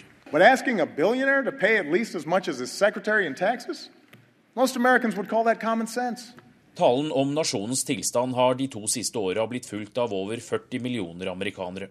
Dette var trolig Barack Obamas beste sjanse til å forsvare sin politikk ti måneder før han søker gjenvalg. Anders Tvegård, Florida. Nordmenn jobber for lite, det hevder arbeidsgiverorganisasjonen Spekter, som nå ber regjeringa endre reglene for arbeidstid. Ifølge Spekter er reglene for jobbing i helger og på kveldstid gammeldagse. Er du åpen for å jobbe mer? Lang tenkepause. Om jeg ville jobbe mer? Utenfor et kontorbygg i Oslo sentrum. Nei, ikke for øyeblikket. Jobber du mye da? Eh, nei, åtte til fire, stort sett. Kunne du tenkt deg å jobbe mer enn du gjør i dag? Du da? Nei. Vi har arbeidstid til fem hver dag. Inne i kontorbygget er tonen en annen. Det er jo ikke slik at vi jobber oss helt i hjel i dette landet her. Anne Kari Bratten er viseadministrerende direktør i arbeidsgiverorganisasjonen Spekter. Så må folk eh, jobbe mer. Så norske menn jobber vel 37 timer i uka, og norske kvinner vel 30 timer i uka, inklusiv overtid. Spekter vil myke opp reglene for arbeidstid i Norge. Et eksempel. Hvis et godt voksent menneske blir enig med sjefen sin om at det er greit å jobbe en 10-11 timers vakt for å kunne jobbe litt mindre neste dag, så mener vi at det må sjefen og den ansatte kunne bestemme seg imellom. I dag har Spekter sin vinterkonferanse, et slags startskudd for vårens lønnsoppgjør. Arbeidsminister Hanne Bjurstrøm får da overlevert krav om at det trengs en egen arbeidstidskommisjon. Regjeringa ser jo på arbeidstidsbestemmelsene og diskuterer arbeidstid hele tiden. Det sier Anette Trettebergstuen fra Arbeiderpartiet, som ikke synes det er behov for en kommisjon. Det viktigste for å bevare velferden er at folk jobber lenger, sier hun. Hvis vi skal klare å la folk stå eh, lenger i jobb, så er de også nødt til å ha et arbeidsliv som gjør at de klarer det, at de har helse til å jobbe. Reportere var Bjørn Myklebust og Katrin Hellesnes. Høyhastighetstog tvinger seg fram også her i landet. Det mener lederen i samferdselskomiteen på Stortinget, Knut Arild Hareide i KrF. I dag kommer sluttrapporten fra høyhastighetsutgreiinga som skal gi svar på om Norge bør satse på raske tog. Uansett konklusjon så kommer framtidas jernbane til å bli bygd for høy fart, sier Hareide. Når vi bygger jernbane inn i framtida nå, så er det naturlig at det er høyhastighetstog vi bygger. Så vil prisen avgjøre i hvor stor utstrekning vi greier å bygge, og hvor fort det vil skje. Senere i dag får vi kanskje svaret. Da kommer anbefalinger fra Jernbaneverkets høyhastighetsutredere. De har vurdert om Norge bør satse på tog som går så fort som 250 eller 330 km i timen, og i tilfelle hvor. Prislappen på flere strekninger blir fort flere hundre milliarder kroner. Vi må sikkert betale med skattepengene våre, da. Ja, Er du villig til det, da? Ja, det var det. Jeg tror det, ja. Vi får bare ta det, for det, jeg tror det er fornuftig i framtida at vi fikk gjennom til Stavanger og Bergen gjennom tunneler. Flere undersøkelser har vist at de fleste ville valgt høyhastighetstog framfor fly hvis de kunne. Da ville jeg valgt hurtigtog, definitivt. Ja, Bergen kunne jeg tenke meg. Men aller først trengs det dobbeltspor mellom Skien, Halden og Lillehammer, sier Knut Arild Hareide. Det at vi får intercitytriangelet på plass, er det første og viktigste målet med norsk jernbane akkurat nå. Reporter Kjartan Røslett. Produsenten bak filmsuksessen 'Hodejegerne' planlegger en film om Kjosdal Moland og Joshua French, som er dømt til døden for drapet på sin egen sjåfør i Kongo. Advokat Morten Furuholmen vurderer å gå til retten hvis det blir noe av filmplanene. Det er presseetiske problemstillinger, det er personvernsrettslige problemstillinger. Og det er klart at vi må jo vurdere alternativer og også da se på om vi skal foreta rettslige skritt her. Det sier Morten Furuholmen, advokaten til Kjostolf Moland og Joshua French. Han reagerer på at suksessprodusenten bak filmen 'Hodejegerne' nå har søkt om statsstøtte til å lage et filmmanus om de to nordmennene som har sittet fengslet i Kongo i snart tre år. Norske myndigheter har lenge prøvd å få Moland og French overflyttet til Norge, men situasjonen er fortsatt uavklart. Furuholmen håper Friland Film kan vente med å lage filmen som er basert på boken 'Et mord i Kongo' av Morten Strøksnes. Jeg håper jo at man avventer, i hvert fall med å gi denne filmen støtte, til disse to har kommet hjem. Hvor man kan forespørre dem, og kanskje få det inn i et spor som gjør at det blir lettere å akseptere. Men at de skal stå på utsiden, sitte i en dødscelle i Kongo og bli møtt med en sånn kommersiell spillefilm som bygger på et sånn spekulativt faktum, det, det, bør man ærlig talt ikke bruke skattebetalernes penger til, altså. Og Norsk Filminstitutt vil ikke gi noen kommentarer før de har gjort et vedtak i saka. Reporter var Eirin Venås Sivertsen. Hele Idretts-Norge må stå bak en ny norsk OL-søknad hvis kommunen skal være med på et nytt OL. Det mener byrådet i Oslo, Ola Elvestuen. Det er en tydelig utfordring til idretten. Ja, at dette må være noe som Idretts-Norge virkelig ønsker. Og det må være eh, noe som er et nasjonalt prosjekt, og ikke noe som Oslo skal eh, stå bak alene. Da gjenstår bare å si at ansvarlig for sendinga er Gro Arneberg, teknisk ansvarlig Odd Slåttland og i studio programleder Odd Christian Dale.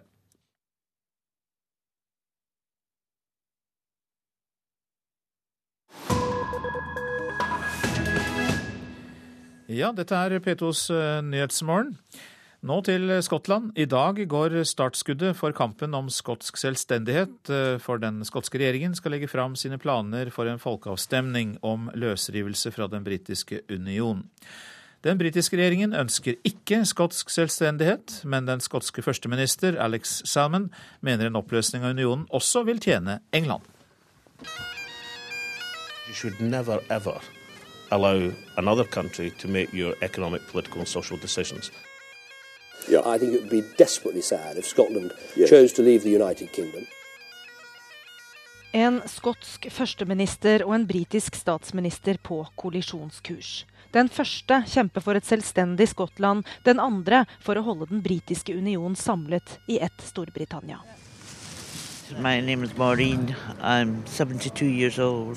I'm very Scottish. My grandchildren are all English, and my two children are Scottish. Maureen sitter på en betongbenk utenfor et slitent kjøpesenter og tar seg en røyk. Hun er pensjonist i en av Edinburghs drabantbyer, og selv om den skotske nasjonalfølelsen er sterk, føler hun en like sterk tilknytning til Storbritannia og den britiske unionen. I love being part of Britain. I like the idea of a family. We're all connected. One person works well within their own home, they work well with their neighbour. So I like the idea of independence, but not complete independence. But I think um, Scotland should have more hold over their own affairs. Maureen kommer trolig til å stemme for det tredje alternativet i en folkeavstemning om skotsk selvstendighet, hvis det blir mulig. Hun kommer ikke til å stemme ja eller nei, men for maksimalt selvstyre. Det er et alternativ førsteminister Alex Salmon ønsker å ha med, og som et flertall av skottene foretrekker, ifølge målinger. Men den britiske regjeringen ønsker bare et ja eller nei til skotsk selvstendighet. If you're not independent, others make the decision, and often, of når andre tar beslutninger på dine vegne, blir det ofte feil. Det sa Salmon til NRK da vi traff ham rett etter at partiet hans hadde vunnet rent flertall i det skotske parlamentet i fjor. Allerede da flagget han selvstendighetskampen høyt. How will you get people to vote for independence in the referendum coming up? I think when you ask the individual questions, do you want more economic power in Scotland? Yes. Do you want the ability to remove the weapons of mass destruction from Scotland? Yes. Do you want to say whether or not our troops are sent into illegal wars like Iraq? Obviously, we'd said no. When you ask these individual questions, you get the answer which, if you put it together, means Scotland becoming an independent country. I think that's the way we'll achieve the, the majority for independence. Ved å stille folk konkrete spørsmål kommer vi til å vinne selvstendighetskampen, mener Salman. Folk vil ha mer økonomisk frihet, de vil ha muligheten til å fjerne masseødeleggelsesvåpen fra Skottland, de vil ikke sende soldater til nye Irak-kriger. Vi er ett land, påpeker Andrew Rosindell. NRK treffer det svært patriotiske, konservative parlamentsmedlemmet i parlamentet i Westminster. Han støtter statsminister Camerons inngripen i den skotske prosessen mot en folkeavstemning. and leave uh, England, Scotland, and Northern Ireland to pick up the debts and the other uh, implications of that. So we have to look at this hvis Skottland går ut av unionen, får det store konsekvenser også for Wales, Nord-Irland og England, sier Rosendale, som minner Salmon om at Skottland må ta med seg deler av statsgjelda hvis de forlater den britiske skuta. I dag kommer altså førsteminister Salmon med sine planer for folkeavstemningen høsten 2014, og så starter kampen offisielt. But what's so wrong about the United Kingdom being part of that? I never said there was anything wrong with the United Kingdom. And in many ways, of course, given we'll still have the Queen as head of state of an independent Scotland, there still will be uh, a United Kingdoms. Ja, Dronningen blir fortsatt Skottlands overhode, og det blir to forente kongedømmer, sa Skottlands førsteminister Alex Salmon til korrespondent Gry Blekastad Almås. Hovedsak, hovedsakene i Nyhetsmorgen. President Barack Obama vil ha et mer rettferdig skattesystem i USA. Skipperen på den havarerte seilbåten Berserk, Jarle Andøy, skal igjen ha satt kursen mot Antarktis. Og nordmenn jobber for lite, mener arbeidsgiverorganisasjonen Spekter. Og så til deg, Siri Gjørts, programleder for Politisk kvarter. Tilspissing i kampen om ledervervet i SV er ett av dine temaer. Ja, for i går så flagga lederen for Heikki Holmås sitt lokallag at han vil ha Audun Lysbakken som leder. Men samtidig har Heikkis helter kommet på banen, og kanskje er det flere av dem enn mange tror.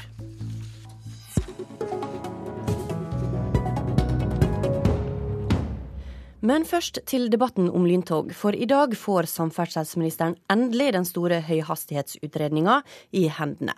Den beskriver ulike traseer mellom storbyene i Norge og hva de vil koste.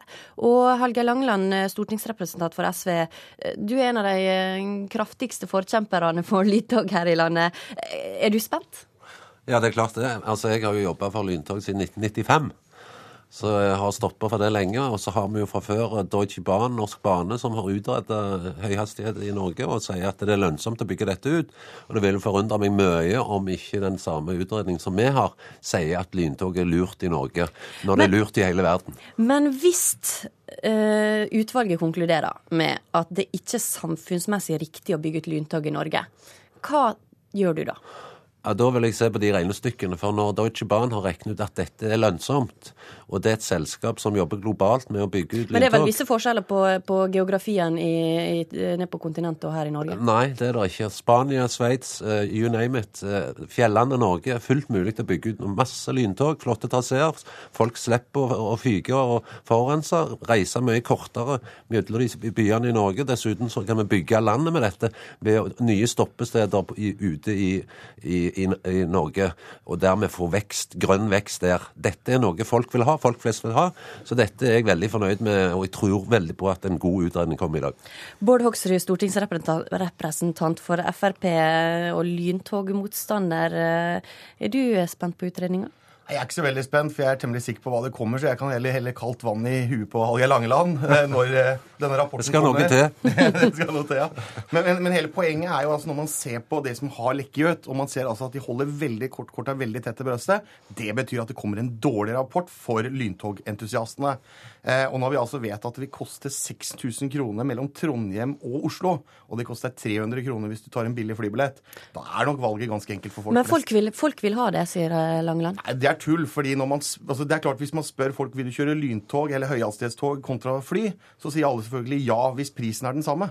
Men når man vet altså at det er kanskje ti ganger så høy pris på høyhastighetstog som det er på fly, da velger folk heller flyet. Og poenget er altså at Norge så bor altså under fem millioner mennesker. Det er bitte, bitte lite land, selv om vi reiser mye. I Paris, Brussel, hvor altså det er høyhastighetstog, der er det 55 millioner mennesker som er nedslagsfeltet. Og de klarer ikke å drive lønnsomt. Så å tro at det skal bli lønnsomt i Norge, det er tullball. Ja, Det er ikke noe nytt det vi hører fra Fremskrittspartiet. For de vil ikke ha de løsningene som er miljø-, miljø og klimavennlige. De vil ha mer men, motorveier, og det koster jo òg penger. Og det skal bygges ut med bompenger. Men han har rett i at når folk blir spurt om de vil ha høyhastighetstog eller ikke, så, så blir ikke de stilt overfor kostnadene det eventuelt øh, vil Nei, bli. TØI har gått ut med et regnestykke som er helt på trynet, som jeg mener er helt feil, og som Fremskrittspartiet selvsagt bruker for alt det er verdt. Vi må se på internasjonale erfaringer her, og erfaringene er at folk vil gjerne ta toget. Jeg er ukependler fra Stavanger, er klimabanditt, så får han så mye med å fyke. Jeg ser jo at disse fulle flyene som går der, og det er ikke få fly per dag, gjør jo at Norge, altså Vestland og Oslo, er altså Nord-Europas mest trafikkerte Hva er feil i det regnestykket som Frp viser til? Heller hva er rett. Altså det han, det han bruker, det er en modell fra en australsk forsker som Tøy fikk inn for å si at dette er for dyrt. Det er når Deutsche Bahn sier at dette er lønnsomt, det er et globalt selskap, så må han motbevise dette. Og han må bevise at det koster 6000 ja, kroner, for det gjør det ikke. Med, med, respekt å melde, Deutsche Bahn var altså konsulentdelen av Deutsche Bahn som har utreda. Selvfølgelig er et konsulentselskap som skal gjøre en jobb for noen som vil noe, kan klare å komme fram til gode eh, konklusjoner. Men det som er viktig å ha med seg, er altså at denne regjeringa Folk står og venter på toget som ikke kommer. Det er dagens tog. Som, altså Hvis man skal bygge ut et lyntog, så vil det koste 100 Med de bevilgningene man bruker nå, hvis man bruker alt på, på lyntog, så vil man også bruke 100 år for å bygge det ferdig. Nå er Stortinget klokt. Så Stortinget sier at Ja, Stortingets men dere er opptatt, flertall dere er opptatt av Eh, handlingsregelen, Og det har, sagt, det har sagt at um, når vi bygger noe nytt i Norge som kan tenkes å inngå i en ly- lyntogstrasé, så skal det bygges i 250 km pluss. Det Det, gjør Men- vi nå. Oslo-Göteborg, altså Oslo-Ski, og vi gjør det på Vestfoldbanen. Så vi er allerede i gang med bygging av lyntog i Norge. Men Hallgeir Langeland, du viser til miljøet når det gjelder at du vil ha lyntog. Eh, En lekkasje fra en delrapport eh, her som så på miljøaspektet, slo fast at de ikke er så miljøvennlige med disse lyntogene, fordi CO2-utslippene bl.a. fra å bygge alle tunnelene som må til i Norge for at toget skal kunne gå så raskt som det skal, eh, gjør at det blir Altså på et 60-årsbasis så er ikke det miljøvennlig. Jeg fikk med meg den lekkasjen, og det skal bli spennende å se hva fakta er. Jeg mener det, det er tullball. Altså, du, hvis du skal bygge Så uansett om liksom, konklusjonen her, så, har, så holder du på din konklusjon? Ja, men altså, La oss bruke hodet her, da. Er det sånn at hvis vi bygger motorveiene til Frp, asfalterer ut og borer tunneler, er det mer miljøvennlig enn å bygge togtunne- togtunneler? Det er noen regnestykker her som ikke henger helt på greip, og det sa jeg òg til Dagsrevyen når de kjørte den saken allikevel, for det, det mangler noe i det, den lekkasjen. Men det er jo veldig festlig å høre på Hallgeir Langland nå, for dette har jo vært liksom klimaprosjektet framfor noe. Dette skulle virkelig bety noe for klimaet. Og så får man denne delrapporten, og da vil man ikke prate Men det er, en del, om det er jo en delrapport som tar hensyn til noen aspekt, men vi har ikke helheten. Nei, vi har ikke helheten, men det er et viktig, fordi det dette har vært liksom det som har vært fanesaken det politiske flertallet på Stortinget med Langland i spissen. Det har jo nettopp vært klimaeffekten. Og så viser det seg altså her at det har ikke noe klimaeffekt på over 60 år. Og da forutsetter man i tillegg at det går på vannkraft, og vi må altså nå importere kullkraft og gasskraftverk fra utlandet for å drifte Norge. Nå har jo aldri Fremskrittspartiet vært særlig opptatt av klima, Nei, men- men, det skal de ha. sånn at eh, det at eh, det er negativt for klimaet, som du nå håper på, Bård Hoksrud for Fremskrittspartiet, det får vi nå se i dag, da. Jeg tror totaliteten i dette er at lyntoget er klimavennlig. Det mener de i hele verden, og da tror ikke jeg at det er annerledes i Norge. Men Langeland, eh, ifølge VG så har dette utvalget da prioritert å se på de innenlandske trasévalgene, og ikke på trasévalgene som går altså mot kontinentet, mot Gøteborg Göteborg og Stockholm. Er ikke det en svakhet med utredninga? Absolutt, og det er jo pga. svenskene, som har en borgerlig regjering som er mer negative til lyntog enn det den forrige regjeringa var. Så det er et problem med det. Men de har sett på disse traseene. For det er jo klart at for SV og stortingsflertallet så er det viktig å koble seg opp mot det europeiske høyfartsnettet. Derfor så sier Stortinget at Oslo-Ski det er første, første trinn mot Oslo, Göteborg, København og Europa. Så det, det er en svakhet, men det, den svakheten kan vi selvsagt rette opp i neste. Men, men jeg synes det som, er, det som er trist her, er altså at vi har et veinett, vi har et jernbanenett som forfaller og er i ferd med å dette sammen. det er ikke noen Og det Hallgeir. Langeland eneste han er opptatt av, det er å bygge høyhastighetstog og lyntog, som ikke det blir noe av. Vi bør faktisk løse de utfordringene vi står overfor nå. hvorfor ikke prioritere de løsningene? Jo, men det er jo det, altså Hoksrud lager en motsetning. Det er jo det vi gjør. Når vi bygger Nei. Vestfold nå, når vi bygger Oslo-Ski, altså intercitytriangelet, så bygger vi altså inn med høyfast-tanken i hodet òg. Og det er det vi gjør. Så det er ikke noen motsetning. At Fremskrittspartiet dyrker en motsetning som ikke eksisterer. Selvsagt så skal vi, vi ha lokallog og regionaltog Folk som står og venter på perrongen, de føler at ikke de ikke får det de vil ha. Og da må vi sette stopper for den debatten. Det blir nok mer av den utover dagen, for klokka ett så får altså samferdselsministeren denne utredninga.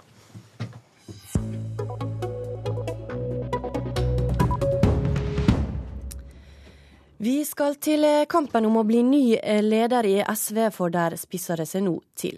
Neste uke kommer valgkomiteen med sin innstilling til hvem de mener bør overta ledervervet etter Kristin Halvorsen. Og i går så gikk du, eh, Per Østfold, som er leder i Oslo SV, og som er da en av, den, en av kandidatene sin, eh, sitt lokallag, Heikki Holmås, og sa at du ville ha Audun Lysbakken som leder. Hvorfor gjorde du det? Ja, For det første så snakker jeg jo da på egne vegne. Jeg kan ikke snakke på vegne av Oslo SV, fordi i Oslo SV er det uenighet om dette. Og vi bedriver med avstemninger i bydelslagene, som det er mange av. Så hvor, hvor flertallet i Oslo SV havner, det vet jeg ikke ennå. Men, Men jeg personlig, men jeg personlig har en mening. Og jeg kjenner begge kandidatene ganske godt. Jeg eh, har samarbeidet med dem, regner begge som mine venner.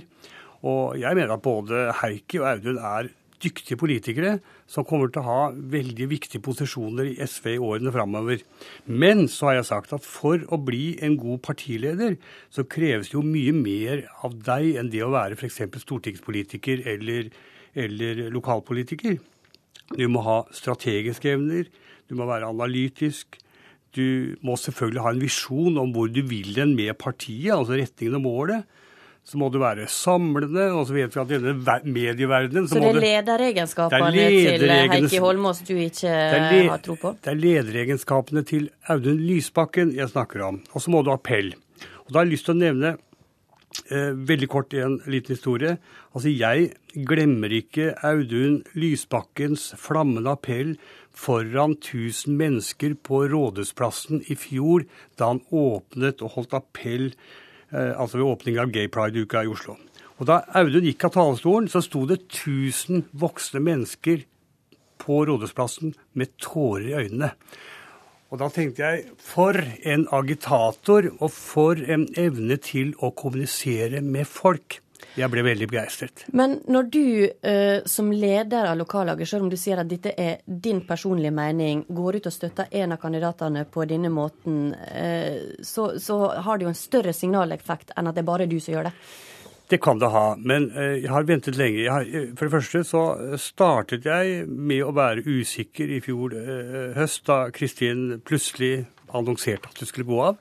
Det var en stor overraskelse for oss alle sammen. Eh, og jeg har tenkt mye og diskutert mye. Og så ser jeg nå at eh, folk rundt meg i styret for fylkespartiet bl.a. er veldig aktive i støtte for hver sin kandidat, og jobber veldig aktivt for det. Jeg ser at Heikki og Audun har hver sin støttekomité i Oslo, midt inne i fylkeslaget, som jobber febrilsk for å samle støtte. Og tenker jeg at da må jeg som leder også kunne mene noe, før alle andre har tatt standpunkt. Karin Vik, du er varaordfører i Rendalen og støtter Heikki Holmås i kampen for å bli ny leder for SV. Hvorfor foretrekker du han som eh, leder? Ja, eh, jeg kan jo si at jeg er veldig enig med Per Østfold i mange av de egenskapene han mener som trengs for å være en god leder. Og det er nettopp eh, dette her med appell at jeg mener at Heikki Holmås skårer veldig høyt på han er veldig tydelig og direkte i sin kommunikasjon, og jeg syns han når ut til eh, folk på en veldig god måte. Han, han, eh, han, treffer folk når han snakker, og jeg tror at dette her med, med kommunikasjon uh, er en veldig viktig lederoppgave. Det er veldig mange funksjoner som skal dekkes i partiet, og jeg er også enig med Per Østfold i at begge disse personene er viktige for SV og trengs for SV. Men oppfatter du eh, at kampen for Heikki eh, er en grasrotkamp mot det etablerte partiapparatet i Oslo? For det er jo mange i, i, i toppen som støtter Audun Lysbakken. Jeg har i hvert fall merka meg at mange i toppen eh, støtter Lysbakken. I hvilken grad det er grasrot Det er kanskje mange som ikke har kommet på banen. Jeg, jeg gjorde mitt valg når jeg var på folkevalgtsamling i, i Oslo før jul hvor det var en debatt mellom de to kandidatene, og hvor jeg syns at Heikki på en måte synliggjorde veldig tydelig at, at, han kunne dette med kommunikasjon. Og, det, og så mener jeg også at det er veldig viktig at velgerne forstår hvorfor vi trenger SV, og hvorfor de må stemme SV for å få fram få gjennomslag for viktige saker. Han er veldig tydelig på at han vil løfte fram eh, viktige saker saker som betyr noe for folk. Ja, Men, men, men Karin, eh, jeg er, jo, jeg, er jo, jeg er jo ikke uenig med deg i at uh, Heikki er en eh, dyktig i media, er flink til å komme med utspill. Og han er også veldig flink til å sjarmere folk. Han har sjarmert meg også mange mange ganger, for å si det rett ut. Men, men eh, dette er jo også en debatt om hvor vi vil igjen med SV. Altså hva slags parti skal vi være i framtida. Og når vi nå ligger og vaker sånn rundt sperregrensa, så er situasjonen veldig alvorlig for SV. Da må vi diskutere strategi. Og da mener jeg, skal vi være et, eh, skal vi være et nisjeparti som først og fremst snakker om barn, unge og miljø, sånn som vi i stor grad har gjort de siste valgkampene, eller vil vi breie ut partiet og appellere til mange flere enn det vi gjør i dag. Men, men Lysbakken er jo da en del av det etablerte. Han har Absolutt. vært en del av ledelsen eh, som har sørga for at partiet ligger der det ligger nå. Helt enig, men begge disse to har altså sittet veldig nær Kristin Halvorsen, er hennes fortrolige. og bærer et kollektivt ansvar, sammen med alle oss andre selvfølgelig, for, for at partiet har gjort det dårlig. Men, men, Audun Lysbakken er veldig klar på hva slags parti han ønsker i framtida, hva slags prosjekt han ønsker å bygge. Og dette med å kommunisere, bygge ut partiet, ha et bredere nedslagsfelt, jobbe mer aktivt med fagbevegelsen og med de andre områdene våre, det har jeg veldig tro på. Karin Vik, tror du at, eller nå til uka så kommer valgkomiteen med sin innstilling. Er du spent på eh, om de kommer med én eller to kandidater? Jeg har i hvert fall hørt at eh, det antagelig blir en delt eh, valgkomité, uten at jeg er så veldig opptatt av akkurat eh, hva som kommer til å skje da. Jeg er vel mer opptatt av hva som skjer på, på landsmøtet. Men jeg har lyst til å ja, Nei, da må jeg dessverre avslutte her, fordi at kvarteret det er slutt. Og Siri Gjørts takker for seg i studio.